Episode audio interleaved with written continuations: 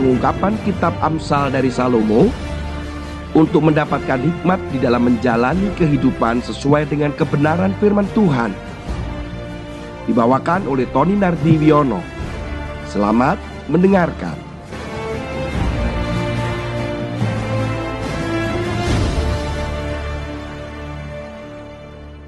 Shalom Bapak Ibu sekalian. Kita masuk di dalam pembacaan firman Tuhan kita pada hari ini di Amsal pasal yang ke-9 ayat yang ke-14 sampai ayat yang ke-16. Demikian firman Tuhan. Ia duduk di depan pintu rumahnya di atas kursi di tempat-tempat yang tinggi di kota. Dan orang-orang yang berlalu di jalan yang lurus jalannya diundangnya dengan kata-kata Siapa yang tak berpengalaman singgahlah kemari dan kepada orang yang tidak berakal budi. Katanya, Saudara nanti ayat ini akan dilanjutkan di ayat ke-17 tapi pada episode berikutnya secara khusus. Mengapa perempuan-perempuan itu berada di tempat tinggi di depan pintu kemudian menunggu orang yang lewat yang berjalan lurus. Artinya orang itu berjalan lurus itu ingin melakukan sesuatu yang benar sesuai dengan firman begitu. Dan perempuan-perempuan itu melambangkan dunia ini yang menggoda, yang merayu dan mencoba untuk supaya kita itu tidak melanjutkan perjalanan yang lurus. Dengan kata lain, godaan itu muncul ketika kita melakukan firman. Saudara teringat dengan sebuah kisah di mana bagaimana bangsa Israel yang akan keluar dari Mesir. Mesir sendiri, Fir'aun itu adalah gambaran daripada dunia. Ketika tulah-tulah itu menimpa Mesir sebelumnya itu dan apa yang terjadi di dalamnya menunjukkan bagaimana dunia itu menggoda, menawarkan lebih tepatnya sesuatu kepada Musa dan orang Israel. Itulah yang akan saya angkat di dalam pembahasan firman Tuhan pada hari ini. Saudara, kita melihat bahwa bangsa Israel itu kenapa harus keluar dari Mesir? Karena memang untuk dikuduskan. Karena adalah bangsa yang terpilih dan tidak bisa bercampur dengan dunia atau bercampur dengan Mesir. Kita juga demikian saudara. Kita ini dipanggil Tuhan untuk dikuduskan. Arti dikuduskan sendiri adalah kita dipisahkan dan menjadikan Allah itu yang kita sembah dan kita percayai menjadi uh, yang utama ya kita sembah itu adalah Allah. Yahweh, Jehovah. Jadi ketika bangsa Israel keluar dari Mesir, mari kita belajar sesuatu tentang apa yang terjadi. Tawaran yang pertama ketika orang-orang Israel akan keluar dari Mesir dipimpin oleh Musa itu adalah di dalam keluaran pasal yang ke-8 ayat yang ke-25. Demikian firman Tuhan. Lalu Firaun memanggil Musa dan Harun serta berkata, "Pergilah, persembahkanlah korban kepada Allahmu di negeri ini." Tetapi Musa berkata, "Tidak mungkin kami berbuat demikian, sebab korban yang akan kami persembahkan kepada Tuhan Allah kami adalah kekejian bagi orang Mesir. Apabila kami mempersembahkan korban yang menjadi kekejian bagi orang Mesir itu di depan mata mereka, tidakkah mereka akan melempari kami dengan batu?"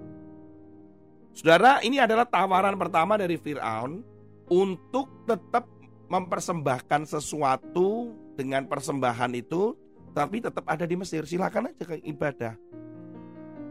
Ini adalah tawaran yang berbicara tentang beribadahlah tetapi dalam keduniawian, kedagingan. Ini tawaran yang pertama, nggak apa-apa beribadah, tetapi jangan lupa engkau hidup di dunia, jadi hiduplah dengan dagingmu dan puaskanlah dagingmu. Begitulah. Sebuah pernyataan dari pemimpin gereja Willow Creek, Amerika, di dalam bukunya Reveal, dia katakan begini, banyak jumlahnya pengunjung dan kegiatan ibadah, termasuk kelompok selah, ibadah raya, pertemuan ibadah lain sesuai departemen dengan sebagainya, sama sekali tidak mempengaruhi pertumbuhan rohani jemaat. Saudara, itu adalah pernyataan dan survei yang dilakukan oleh pimpinan gereja Willow Creek Amerika pada saat sebelum pandemik tentunya, apalagi sekarang. Bahwa intensitas dan kuantitas daripada gereja itu tidak menjamin pertumbuhan rohaninya. Ini sangat berbahaya sekali, saudara. Ini yang perlu diperhatikan. Dan dunia itu apa, saudara? Jelas, dunia itu di dalam satu uh, pernyataan di dalam ayat dikatakan bahwa dunia itu berbicara tentang keinginan daging, keinginan mata, dan keangkuhan hidup. Itu di dalam Galatia pasal 5 ayat 19 sampai 21. Jadi beribadah tetapi tetap keduniawian atau kedagingan. Itu yang ditawarkan ya. Tetapi Musa menolak tawaran itu. Tawaran dari Firaun. Yang kedua, kemudian dilakukan lagi Saudara. Yaitu dalam Keluaran pasal 8 tadi ayat yang ke-28 Keluaran pasal 8 ayat yang ke-28. Ada penawaran yang kedua, Saudara. Yaitu demikian firman Tuhan dikatakan. Lalu kata Fir'aun, baik, aku akan membiarkan kamu pergi. Nah ini sudah dibiarkan, gak apa-apa keluar dari Mesir dah gitu. Untuk mempersembahkan korban kepada Tuhan Allahmu di padang gurun. Hanya jangan apa dikatakan di situ?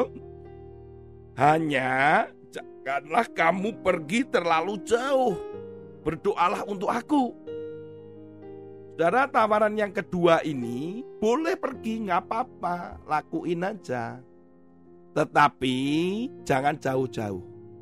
Artinya dia nggak sungguh-sungguh. Tawarannya gini, nggak apa-apa kok. Tuhan mengampuni. Tuhan itu baik-baik saja. Nanti doa lagi. Jadi nggak jauh-jauh kita tetap melakukan ibadah, kita tetap melakukan uh, ibadah kita, tetapi jangan jauh-jauh. Jadi kesempatan kembali itu lebih besar. Gak apa-apa. Ini sering kali pikiran-pikiran orang Kristen, orang percaya adalah gini, gak apa-apa, dosa itu gak apa-apa. Nanti kan uh, kita bisa bertobat. Nanti dalam pertobatan dosa lagi ah, gitu. Nanti bisa bertobat lagi. Kesempatan itu. Dan kita sering kali uh, mencoba-coba itu dengan tantangan-tantangan. Jadi karena memang merasa bahwa nggak apa-apa lah kita berdosa sedikit nggak apa-apa kumpul dengan itu sedikit nggak apa-apa melakukan yang ini nggak apa-apa. Karena nanti akan bertobat lagi. Dosa lagi tobat lagi. Dosa lagi tobat lagi. Dan seterusnya seperti itu jadi yang ditawarkan dalam pikiran kita itu adalah kesempatan untuk kembali itu lebih besar beribadah hari ini besoknya clubbing, besoknya sabu-sabu, besoknya melakukan korupsi lagi. Itu sama, nanti kembali lagi beribadah lagi terus dan tidak ada perubahan begitu. Sama dengan kata lain bahwa orang Kristen di dunia ini ya pernah dilakukan sebuah survei oleh Josh Barna, ternyata kok nggak ada bedanya ya dengan orang yang bu bukan orang percaya gitu dari 131 indikator yang membedakan itu ternyata ditemukan sedikit perbedaannya antara orang percaya dan orang yang belum percaya. Dari banyak hal, salah satu yang pernah saya baca itu adalah contoh adalah memberi gitu.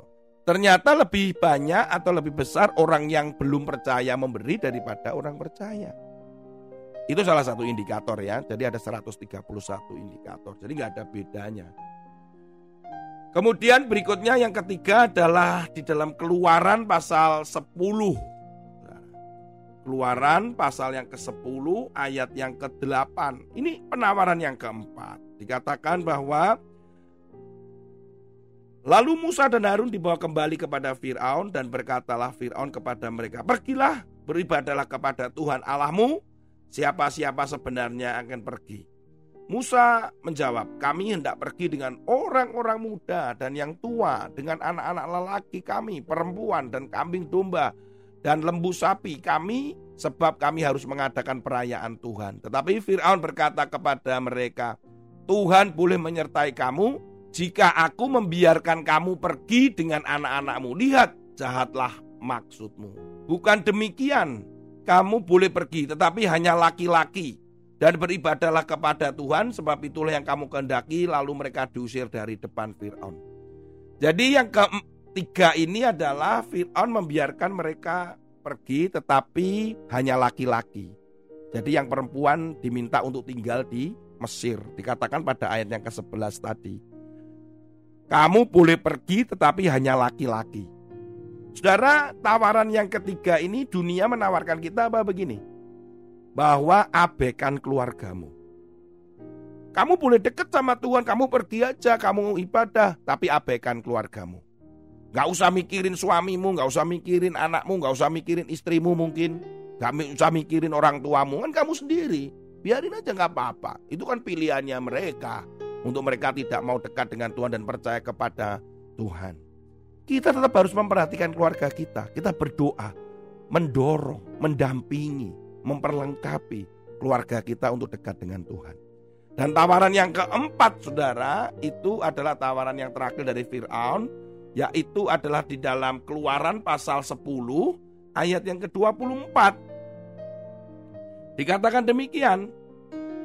Lalu Fir'aun memanggil Musa serta berkata, Pergilah, beribadalah kepada Tuhan. Hanya kambing dombamu dan lembu sapimu harus ditinggalkan juga anak-anakmu boleh turut bersama kamu.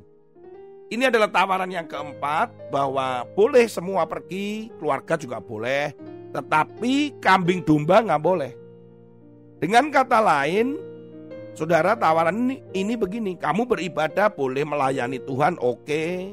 Kamu mau jadi orang percaya silahkan, tetapi jangan dekat dengan Tuhan. Jangan intim dengan Tuhan. Mengapa? Karena kambing dan domba itu adalah sarana pada saat itu adalah untuk dibakar di mesbah itu adalah proses intimasi atau sebuah e, cara kedekatan antara Allah dan manusia waktu itu. Jadi dengan kata lain bahwa kita boleh beribadah, kamu boleh beribadah, tapi nggak usah nggak usah deket-deket lah, nggak usah intim dengan Tuhan lah. Saudara, Empat hal itu yang ditawarkan kepada kita oleh dunia. Kita harus hati-hati sama dengan perempuan yang duduk di rumah itu, perempuan yang ada di tempat-tempat tinggi di kota, di depan pintu. Mereka berusaha menawarkan sesuatu supaya kita tidak terus jalan lurus. Hati-hati saudara dan saya berdoa supaya saudara tetap um, menjalani jalan lurus itu bersama dengan Tuhan. Tuhan Yesus memberkati. Haleluya. Amin.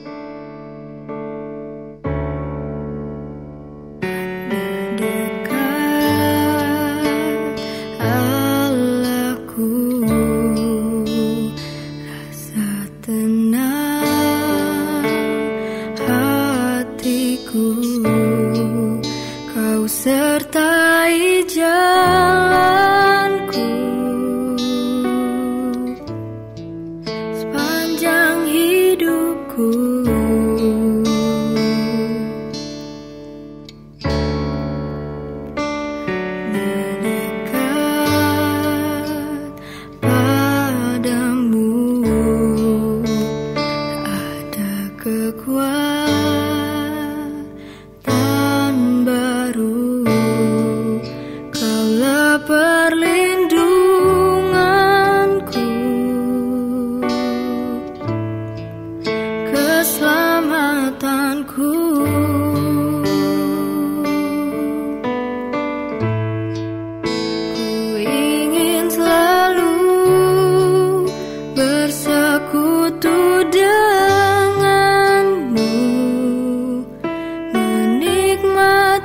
I